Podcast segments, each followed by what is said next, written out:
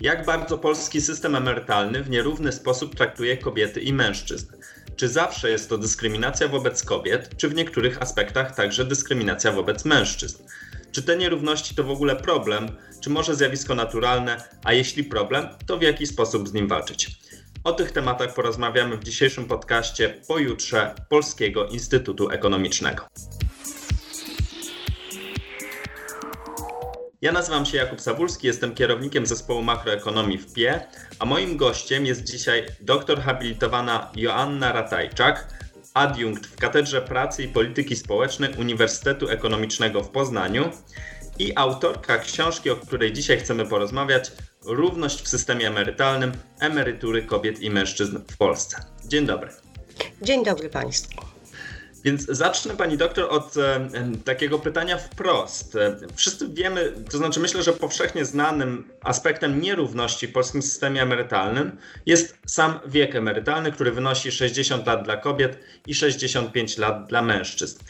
Ale poza samym wiekiem emerytalnym, czy polski system emerytalny w taki sam sposób traktuje kobiety i mężczyzn? Na to pytanie chętnie odpowiedziałabym tak, jak odpowiadają zazwyczaj ekonomiści, to znaczy to zależy. E, zależy od punktu widzenia i od tego, co rozumiemy pod pojęciem e, równości. E, pan wspomniał o nierównym wieku emerytalnym i jest to nierówność formalna, tak, która jest, ma swoje zakorzenienie w przepisach prawnych. Natomiast ja w swoich badaniach koncentrowałam się na nierównościach realnych, czyli badałam świadczenia emerytalne kobiet i mężczyzn i analizowałam je właśnie z punktu widzenia tego kryterium równości. Ale żeby je doprecyzować, to wyodrębniłam kilka kategorii, które pozwolą na bardzo precyzyjne określenie właściwie, czy, co badam.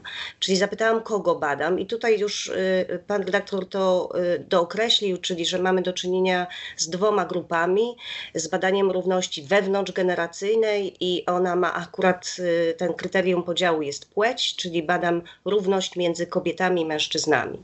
Badam ją gdzie w systemie emerytalnym, ale tylko w bazowym systemie, a konkretnie w społecznym ubezpieczeniu emerytalnym badam ją na moment przejścia na emeryturę, e, gdzie przedmiotem podziału i tym pożądanym dobrem jest wysokość tego świadczenia, a badam je też z punktu widzenia różnych kryteriów równego podziału. Najczęściej y, analizujemy to, czy kojarzymy równość w taki sposób y, y, prosty, egalitarystyczny, to znaczy jako równość sytuacji. A to pojęcie nie zawęża się li tylko do tego postrzegania, bo może dotyczyć także innych aspektów równości wkładu, równości potrzeb, równości dostępu czy równości szans. I starałam się w swoich pracach, właśnie w swojej pracy spojrzeć tak szeroko, to znaczy zanalizować tą równość z tych różnych, według tych różnych e, kryteriów podziału. I teraz odpowiadając na pytanie, czy ta e, równość w systemie istnieje, mogę jednoznacznie powiedzieć, że nie. Mamy do czynienia z nierównościami i jeżeli popatrzymy sobie na te różne kryteria, to kierunek tych nierówności i ich natężenie jest różny. Świetnie, to może spróbujmy omówić sobie w takim razie po kolei te pięć e, wymiarów nierówności, równości czy nierówności, które opisuje Pani w książce. I zacznijmy od pierwszego, czyli nierówności wkładu. E, tutaj pytanie, e, które, które Pani sobie zadaje w, tej książce, jeśli dobrze je rozumiem, to jest, czy wysokość emerytury jest adekwatna do włożonego wkładu? Bo taka jest teoretycznie idea naszego systemu emerytalnego. Ile włożysz, tyle wyciągniesz. Ale czy rzeczywiście ta równość występuje e, wśród kobiet i mężczyzn?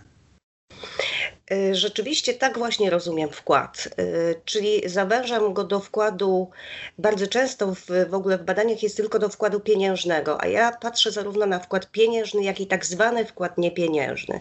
Ale sprowadza się do, to, to do tego pytania, które postawił pan redaktor, czyli czy rzeczywiście, y, mówiąc kolokwialnie, otrzymujemy z systemu tyle, ile wnieśliśmy, czyli czy mamy do czynienia z matematyczną, aktuarialną, ak, z aktuarialnym świadczeniem z punktu widzenia matematycznego. Ja ten wkład definiowałam, tak jak wcześniej wspomniałam, dwojako. Po pierwsze, jako wkład pieniężny, czyli rzeczywiście te składki zapłacone czy należne y, z tytułu rozumiane jako składkę na y, ubezpieczenie emerytalne, ale również jako wkład niepieniężny, czyli składki płacone przez podmioty trzecie w okresach, które są uznawane jako istotne, przede wszystkim ze względu na pozytywne efekty zewnętrzne w systemie emerytalnym. To są przede wszystkim okresy opieki, w tym kluczowe opieki nad, y, nad dziećmi. I y, bazując na istniejących regulacjach y, obecnie emerytalnych, kalkulowałam, czy wkład wniesiony w ten właśnie sposób, czyli poprzez składki bezpośrednie bądź składki płacone przez podmioty trzecie, przekłada, czy jak w jakim stopniu przekłada się na aktuarialną wysokość świadczenia. I okazało się, że istnieje tutaj znaczna nierówność. Y, może być to zaskoczeniem, ale y, wyniki pokazują, że ta nierówność w głównej mierze dotyczy mężczyzn. To znaczy, oni otrzymują średnio o 30% y, niższe świadczenia niż wynikałoby to z kalkulacji aktuarialnej. Mhm, a z, z czego wynika to, że akurat wśród mężczyzn aż o 30%, bo to jest bardzo E, dużo. Tak. To jest to, to pytanie wymaga dalszej eksploracji. Na pierwszy rzut oka można by powiedzieć, no tak, mamy równe tablice trwania życia między kobietami i mężczyznami, które per se generują redystrybucję od mężczyzn do kobiet, wewnątrzgeneracyjną. Ale u kobiet z badań wynika, że te świadczenia są dużo bardzo większym stopniu zbliżone do świadczeń aktuarialnych. Czyli y, jest to pytanie otwarte w takim razie, jaki jest kierunek redystrybucji od mężczyzn do kogo? Tak, być może jest to redystrybucja międzygeneracyjna. Mhm. Bo y, powiedziała Pani, że e, u mężczyzn 30, nawet z Pani książki wynika, że trochę ponad 30% te świadczenia są niższe od sprawiedliwych aktuarialnie, a u kobiet e, konkretnie? U kobiet y, już, y, już spojrzę, to jest kilka punktów procentowych, o ile dobrze pamiętam. Już, już zaraz powiem dokładny, dokładny wynik. Y, u kobiet to wynosi niecałe 4 punkty procentowe. Mhm, U mężczyzn dokładnie jest to 30, około 36 punktów procentowych, więc ta różnica jest 30%, tutaj jest niecałe 4%, więc różnica kształtuje się na poziomie 30 punktów procentowych. Czy w, czy w takim razie rzeczywiście jest to redystrybucja międzygeneracyjna? Być może tak, to wymagałoby y, zdecydowanie jakby y, dalszych y, działań. Mhm. Tutaj trzeba wziąć pod uwagę to, że w przypadku tego zbliżenia aktuarialnego u kobiet ogromną rolę odgrywa instytucja emerytury minimalnej. Y, większość kobiet, y, ponieważ ja badałam realne świadczenia, będzie beneficjentami świadczeń minimalnych i to y, jakby można powiedzieć sztucznie, tak, zwiększa ich aktuarialność. U mężczyzn tych beneficjentów jest zdecydowanie mniej. Ich świadczenia będą się kształtować powyżej z reguły świadczenia minimalnego, choć nie bardzo powyżej. Czyli tutaj już rzeczywiście możemy mówić o takiej aktuarialności jeden do jednego. Tak, ona nie jest zakłócona poprzez inne instrumenty wyrównania socjalnego, jak chociażby emerytura minimalna. Mhm. Dobrze, przejdźmy do drugiego wymiaru, e, który Pani analizuje, czyli wymiaru potrzeb, równości potrzeb. E, I tutaj e, to pytanie, na które stara się Pani odpowiedzieć, to, to jest, czy emerytura zaspokaja podstawowe potrzeby, podstawowe potrzeby rozumiane jako minimum egzystencji. E, I czy świadczenia emerytalne mężczyzn i kobiet będą zaspokajały, zaspokajają podstawowe ich potrzeby, czyli są wyższe od minimum egzystencji. Tak, to jest punkt wyjścia, bowiem ja badam nierówności, czyli y, jest, koncentruję się na tym, y, na ile te świadczenia będą różnicowały pozycje kobiet i mężczyzn. Tak, nie zastanawiam się nad samym poziomem i nie oceniam, czy to jest dobrze, czy źle, natomiast interesują mnie nie tylko nierówności, ale faktycznie punktem wyjścia jest, y, przyjęłam taką najniższą możliwą granicę ubóstwa absolutnego, to jest minimum egzystencji. I badam ten problem y, dwojako. Po pierwsze, badam zasięg ubóstwa, czyli zastanawiam się, jaki odsetek kobiet i mężczyzn będzie posiadało świadczenia poniżej tego y, minimum egzystencji, czyli kwoty, która pozwala na przeżycie biologiczne. A po drugie, y, badam również głębokość ubóstwa, czyli zastanawiam się nad pytaniem, jak bardzo ubogie będą emeryci i emeryci, emerytki i emeryci, ci właśnie, którzy będą beneficjentami niskich świadczeń, czyli ile im będzie przeciętnie brakować y, kwotowo do tego, żeby osiągnąć to minimum egzystencji. I te dwie miary są przeze mnie stosowane, żeby, mm, żeby ocenić y, nierówność właśnie z tego punktu widzenia. I wyniki są, nie są zaskakujące, wydaje mi się, ponieważ y, ta nierówność y, kształtuje się na niekorzyść kobiet. Ona wynosi 14 punktów procentowych. Przy czym przede wszystkim y, ona wynika z tego, że E, nie tyle choć głębokość ubóstwa w przypadku obu płci jest zbliżona, czyli biedni emeryci i biedne emerytki są w zbliżonym stopniu ubogie. Natomiast kluczowym czynnikiem tutaj jest y, zasięg ubóstwa. Okazuje się z tych badań, że y, prawie co czwarta kobieta będzie beneficjentką emerytury, która nie będzie przekraczać minimum egzystencji, podczas gdy to zjawisko w przypadku mężczyzn jest znakomicie mniejsze i ono kształtuje się na poziomie około 4%. 4%. I to jest przede wszystkim e, taki czynnik, czynnik generujący nierówność w tym wymiarze. Mhm. Co, czwarta, co czwarta kobieta e, w Polsce w przyszłości nie będzie miała świadczenia nawet wyższego od minimum egzystencji. To jest informacja dosyć szokująca. Pytanie o jakiej perspektywie czasowej mówimy, to znaczy kiedy? Czy to jest, bo to nie jest obecnie, tylko w przyszłości mówi pani, czyli kiedy? Tak, ja badałam roczniki, które y, w całości są objęte nowym systemem emerytalnym, czyli y, w 1999 roku miały między 18 a 25 lat, czyli będą y, przechodzić na świadczenia emerytalne między 2000 powiedzmy 37 2046 roku, czyli mówimy raczej o dekadzie czwartej i piątej obecnego wieku, tej perspektywie 20-30-letniej. Mhm. Czyli te, e, to, o czym rozmawiamy, jest najbardziej interesujące dla obecnych 30-latków, 30-40-latków, jeżeli dobrze liczę. E, tak.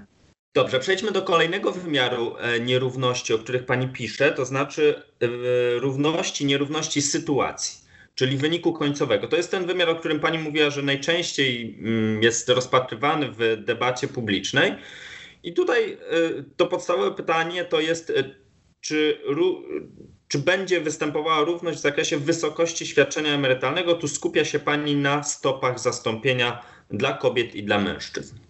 Tak, jest to jeden z aspektów, które analizuję. Stopa zastąpienia, czyli na ile świadczenie emerytalne zastępuje uprzednie zarobki. Tak ona była y, definiowana w sposób brutto i okazało się, że te stopy zastąpienia y, kobiet i mężczyzn, czyli to relatywne ujęcie, one będą zbliżone. To znaczy w równie niewielkim stopniu de facto emerytura będzie zastępować dotychczasowe zarobki y, tutaj bez względu na płeć. E, natomiast to, co mm, e, było interesujące i co rzeczywiście wprowadzało nierówności w tym aspekcie e, sytuacji, dotyczyło ujęcia bezwzględnego, czyli jaka jest różnica między nominalną wartością emerytur kobiet i mężczyzn. Oczywiście medianę brałam tutaj pod uwagę, czyli inaczej mówiąc, kalkulowałam lukę emerytalną względem płci. I e, tutaj okazało się, że ta luka emerytalna to też nie jest zaskoczeniem, kształtuje się na niekorzyść kobiet, czyli średnio świadczenia kobiet będą zdecydowanie tak, niższe o 25 punktów procentowych od, od świadczeń mężczyzn. Czyli stopy zastąpienia zbliżone, ale bezwzględna wysokość świadczeń zróżnicowana. Co więcej, różnie też kształtuje się czy odmiennie kształtuje się rozkład świadczeń w obu grupach, czyli zarówno w, wśród męskich, jak i kobiecych beneficjentów emerytur. Mierzyłam to współczynnikiem Giniego, miara znana w ekonomii i okazało się, że ten współczynnik rzeczywiście jest kilkakrotnie większy w przypadku, ponad dwukrotnie w przypadku kobiet, czyli mamy wyższe zróżnicowanie w tej grupie. To dotyczy przede wszystkim kobiet, które nie spełniają warunków do, do osiągnięcia świadczenia minimalnego. Reasumując, można powiedzieć, że y, analiza tej równości sytuacji, ona wypada po raz kolejny na niekorzyść kobiet i y, wynosi około 14 punktów procentowych. E, tak, czyli podsumowując, stopy zastąpienia takie same, ale te stopy zastąpienia takie same, e, e, one będą zastępowały niższe wynagrodzenia kobiet, w związku z tym będzie występowała luka w, w samej wysokości tych świadczeń. Dokładnie tak. Czwarte już kryterium równości, nierówności to jest dostępu, czyli dostęp do bazowego zabezpieczenia emerytalnego oraz dostęp do świadczenia emerytalnego w ogóle. E, jak tutaj kształtuje się sytuacja między kobietami a mężczyznami?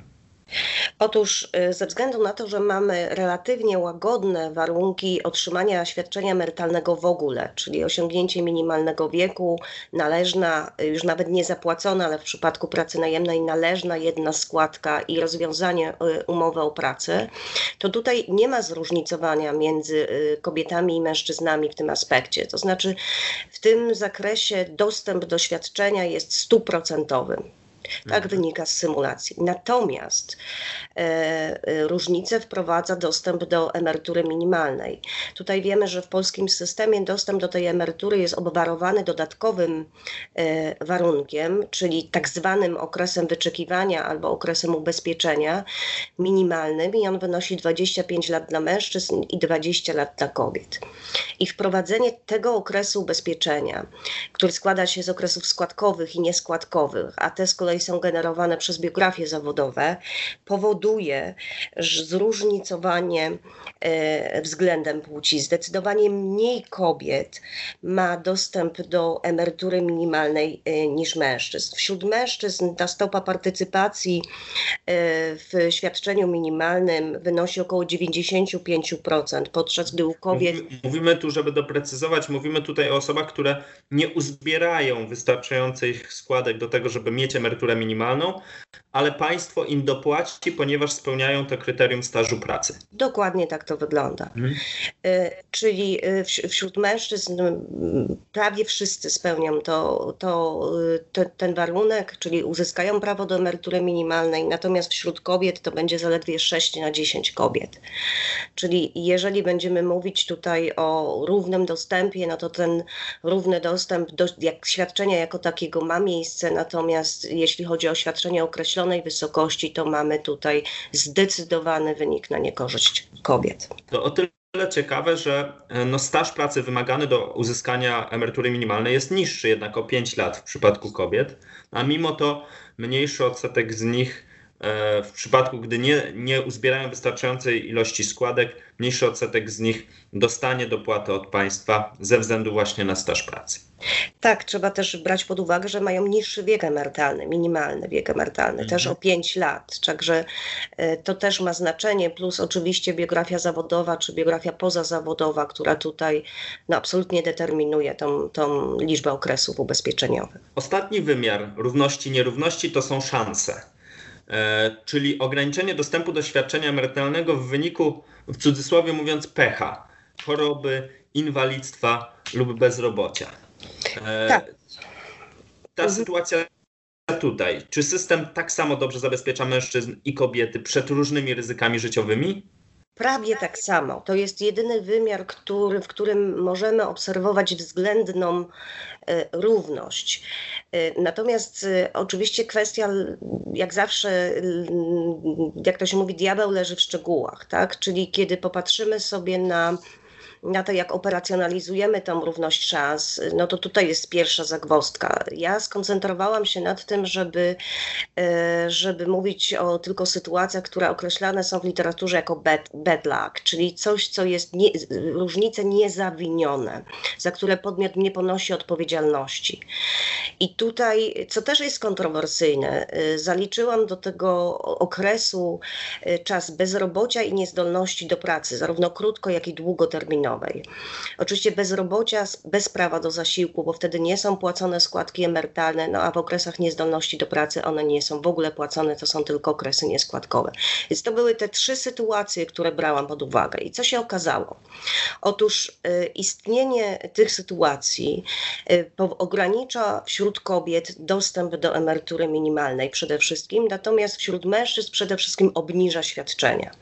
Czyli y, biorąc pod uwagę różne aspekty tej, równo, tego, tej, tej, tej tak rozumianej równości szans, można powiedzieć, że nierówności wzajemnie się znoszą. I ostatecznie efekt jest taki, że obserwujemy względną równość w przekroju płci y, w odniesieniu do tego kryterium. No to podsumujmy teraz. Proszę mnie poprawić, jeśli popełnię jakiś błąd, ale chciałbym podsumować te pięć wymiarów. Jeżeli chodzi o wkład, czyli czy wysokość emerytury jest adekwatna do włożonego wkładu, to tu nieco zaskakująco, to mężczyźni są poszkodowani. Jeżeli chodzi o nierówności potrzeb, czyli czy emerytura zaspokaja podstawowe potrzeby, to tu jednak zdecydowanie więcej kobiet otrzyma świadczenie, które nawet nie będzie e, zaspokajało minimum egzystencji. Jeżeli chodzi o nierówność sytuacji, czyli tego wyniku końcowego rozumianego jako stopa zastąpienia, no to sama stopa zastąpienia będzie mniej więcej podobna dla kobiet i mężczyzn, no ale wysokość świadczenia znów, e, co widzimy już, obserwujemy zresztą także teraz, dla kobiet jest e, niższa, więc pewna dyskryminacja kobiet tutaj występuje. Dostęp do świadczenia emerytalnego, y, przede wszystkim minimalnego, bo jako takiego do, dostęp do świadczenia jest równy dla kobiet i mężczyzn, ale do minimalnego y, mniej kobiet, które nie uzbierają na emeryturę wystarczających y, składek, dostanie emeryturę minimalną ze względu na staż pracy, czyli znów dyskryminacja wobec kobiet i nierówności szans tutaj szans tego, że będziemy mieli ograniczony, do, ograniczony dostęp do świadczenia emerytalnego w wyniku jakiegoś pecha, choroby, inwalidztwa, bezrobocia, tu nie ma większych różnic między kobietami i mężczyznami. Czyli spośród pięciu wymiarów, czy, czy dobrze podsumowałem? Może najpierw tak spytam. Tak, tak. Jeszcze chciałabym tylko taką e, małą dygresję wtrącić, że mm, mówimy o nierównościach, a nie o dyskryminacji. To są dwa różne pojęcia. Nierówność jest, może wynikać z różnych przyczyn, między innymi z dyskryminacji, natomiast nie, wy, nie, nie jakby określając to mianem dyskryminacji, mhm. wydaje mi się, że, że, jest, że jest to pewne nadużycie.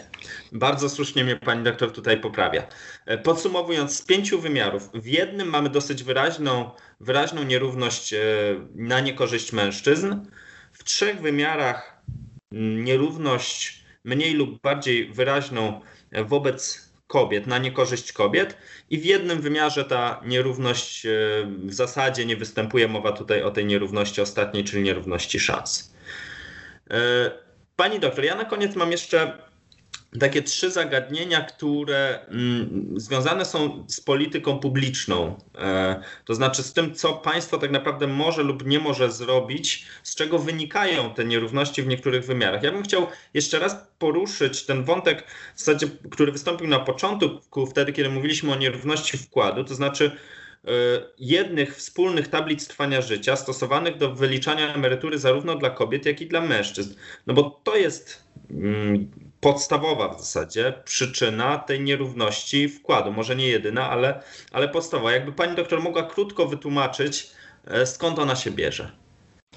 E, I jeszcze raz wracając e, właśnie do tego zagadnienia, to jest bardzo frapujące, bo tak jak pan redaktor wspomniał na samym początku, właściwie takim dominującym, no, dominującą narracją w odniesieniu do polskiego systemu emerytalnego jest właśnie równość według wkładu. A tu się okazuje, że że nagle jest to obszar ogromnej nierówności. Równe tablice trwania życia mogą być jedną z przyczyn. Natomiast na ile one modyfikują czy zmieniają tą, tą, tą dysproporcję między, między kobietami i mężczyznami, tego nie wiemy. In, badania robione przez y, innych y, naukowców wskazują, że nie, że, żebyśmy nie przeceniali tego elementu. To znaczy, że one oddziaływują na, na redystrybucję pół, między, między płciami w ograniczony sposób. Tutaj też y, istotnym elementem dla wyników tej analizy były przyjęte założenia a w szczególności przyjęta stopa zwrotu. Gdyby ona była niższa, to te nierówności wypadałyby mniejsze. Ja, je, ja ją przyjęłam na poziomie, który, y, który deklarowany jest y, przy robieniu symulacji i różnych prognoz w Unii Europejskiej i zgodnie z taką sztuką y, działania jakby przyjęłam te pewne dane. Natomiast trzeba mieć świadomość, że gdybyśmy nie używając tego w sposób pejoratywny, ale zmieniali czy manipulowali chociażby tą stopą dyskontową, to te wyniki mogłyby e, mieć zupełnie inny, e, inną skalę i nawet, e, co oczywiście już byłoby moim zdaniem pewnym nadużyciem, mogłyby zmienić kierunek. Drugi aspekt związany z polityką publiczną, ale, ale nie tylko, bardziej też z rolami kulturowymi, to jest to, jak na te nierówności wpływa nierówny podział ról w naszym życiu prywatnym. To znaczy, przede wszystkim chodzi mi tutaj o nierówny podział między kobietami i mężczyznami, tego w jakim stopniu, w jakim zakresie e, opiekujemy się dziećmi, e, w jakim stopniu bierzemy urlopy macierzyńskie, czy później e, urlopy wychowawcze, czy w ogóle rezygnujemy z pracy z powodu opieki nad dziećmi w podziale właśnie na, na płeć to jest niezwykle y, ważne zagadnienie. Y, z jednej strony mamy system ubezpieczeniowy, czyli system, w którym y, wysokość świadczeń emerytalnych no, wprost odzwierciedla biografię zawodową i pozazawodową, i to w całym jej wymiarze. To nie jest kilka lat, to nie jest ostatni rok, to jest cała, cały okres potencjalnej aktywności zawodowej. Y, więc to wszystko, co się dzieje w tym czasie, znajduje swoje przełożenie na budowanie czy gromadzenie kapitału emerytalnego. Jest oczywiście, pozostaje pytanie takie, na ile system emerytalny jest właściwym miejscem do wyrównywania różnic w biografiach zawodowych kobiet i mężczyzn wynikających chociażby z obowiązków opiekuńczych. To jest pytanie o charakterze normatywnym. Y, dotychczasowe rozwiązania pokazują, że w systemie emerytalnym jakoś E, uwzględnia się ten wkład niepieniężny w postaci opieki. W Polsce e, przejawia się to poprzez opłacanie na przykład składek w trakcie urlopu macierzyńskiego, ojcowskiego, rodzicielskiego czy wychowawczego, ale już w ograniczony sposób albo wcale w czasie okresu opiek- e, w czasie mm, urlopu opiekuńczego. Są też pewne składki płacone wobec osób sprawujących stałą opiekę nad osobami zależnymi, w tym dorosłymi, ale tutaj to opłacanie składek jest y, od bardzo niskiej, od relatywnie niskiej podstawy i w ograniczonym zakresie, to znaczy do momentu uzyskania uprawnień do emerytury minimalnej. Y, to na ile te okresy będą wartościowane w samym systemie jest po prostu decyzją o charakterze, bym powiedziała, ostatecznie politycznym. E, wiemy bezsprzecznie, że praca niepłatna, opiekuńcza rodzi pozytywne efekty zewnętrzne dla całego społeczeństwa. Stąd y, jest to jedną z głównych przesłanek do tego, żeby jakoś ją honorować y, w systemie emerytalnym. Czy powinno się to całkowicie wyrównywać? I czy to rzeczywiście zmniejszy nierówności? Też tak początkowo myślałam, że to zmniejszy nierówności. Natomiast szacunki, które były prowadzone, y, z tych szacunków wynika, że nawet gdybyśmy okresy opieki y, wartościowali w systemie emerytalnym tak jak pracę zawodową, czyli zakładali, że ktoś nie przerywa aktywności zawodowej, że te składki są odprowadzane w dotychczasowej wysokości w sposób ciągły, to to jedynie nieznacznie podwyższy świadczenia kobiet. Oczywiście zdecydowanie bardziej bardziej kobiet niż mężczyzn, ale nie będzie absolutnie remedium dla wprowadzenia równości. I ostatni element, o który chciałbym dopytać polityki publicznej, to są renty rodzinne. Dlatego, że wydaje mi się, że to jest niedoceniany element w naszej debacie publicznej, który także wpływa na mm, i tu przynajmniej taka jest moja intuicja, zmniejszenie nierówności. Mówię tutaj o tym wymiarze sytuacji, czyli wyniku końcowego między e, kobietami i mężczyznami. Na renty rodzinne wydajemy, jeśli dobrze kojarzę, ponad 30 miliardów złotych rocznie i otrzymują je e, głównie, nie tylko, ale jednak głównie e, kobiety w starszym wieku. E, na ile ten instrument wpływa na zmniejszanie nierówności właśnie sytuacji, czyli tego wyniku końcowego w postaci świadczenia?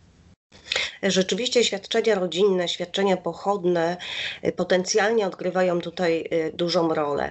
Ja nie robiłam tego w swojej książce, ale w późniejszych, z późniejszych badań wynikało, że na moment przejścia na emeryturę, ale pamiętajmy, że wydłuża się średnia długość trwania życia, że wówczas jeszcze y, zdecydowana większość pozostaje w związkach małżeńskich, a nie, nie, nie, nie wdowieje, tak? czy, czy, czy nie, nie prowadzi jednoosobowego gospodarstwa domowego, to na moment przejścia na emeryturę renta rodzinna nie odgrywa e, wiodącej roli. Zdecydowanie większe znaczenie ma e, instytucja emerytury minimalnej.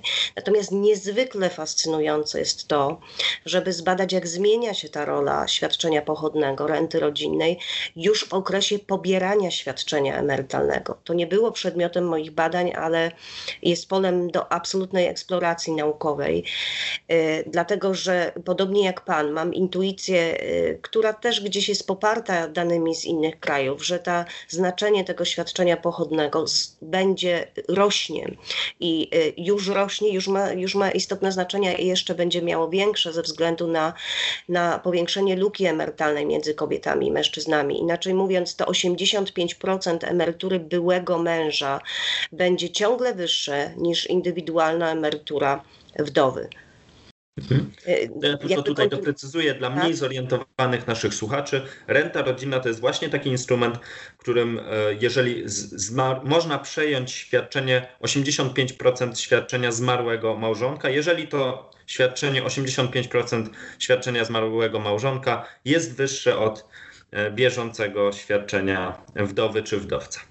Tak, natomiast chciałam jeszcze bardzo tak. mocno podkreślić, że takim z badań wynika, że absolutnie kluczowym e, instrumentem, który wpływa na nierówności, na właściwe łagodzenie tych nierówności względem płci, jest instytucja emerytury minimalnej. Ona oczywiście e, kłóci się, jeśli można by tak powiedzieć, z tą deklarowaną zasadą równości wkładu, natomiast y, w bardzo znacznym stopniu zmniejsza ubóstwo. I jeżeli byśmy chcieli podejmować pewne działania y, w kierunku zmniejszania nierówności sytuacji, nierówności dostępu, y, tak, czy nierówności potrzeb, to łagodzenie warunków przyznania emerytury minimalnej byłoby tym, e, tą właściwą, tym właściwym tropem. Pani doktor, tym wątkiem chciałbym zakończyć. Bardzo dziękuję za tą e, pasjonującą e, ścieżkę, spacer po polskim systemie emerytalnym i równości płci. Jeszcze raz moim gościem była doktor habilitowana Joanna Ratajczak z Uniwersytetu Ekonomicznego w Poznaniu. Dziękuję Pani bardzo. Dziękuję Panu, dziękuję Państwu.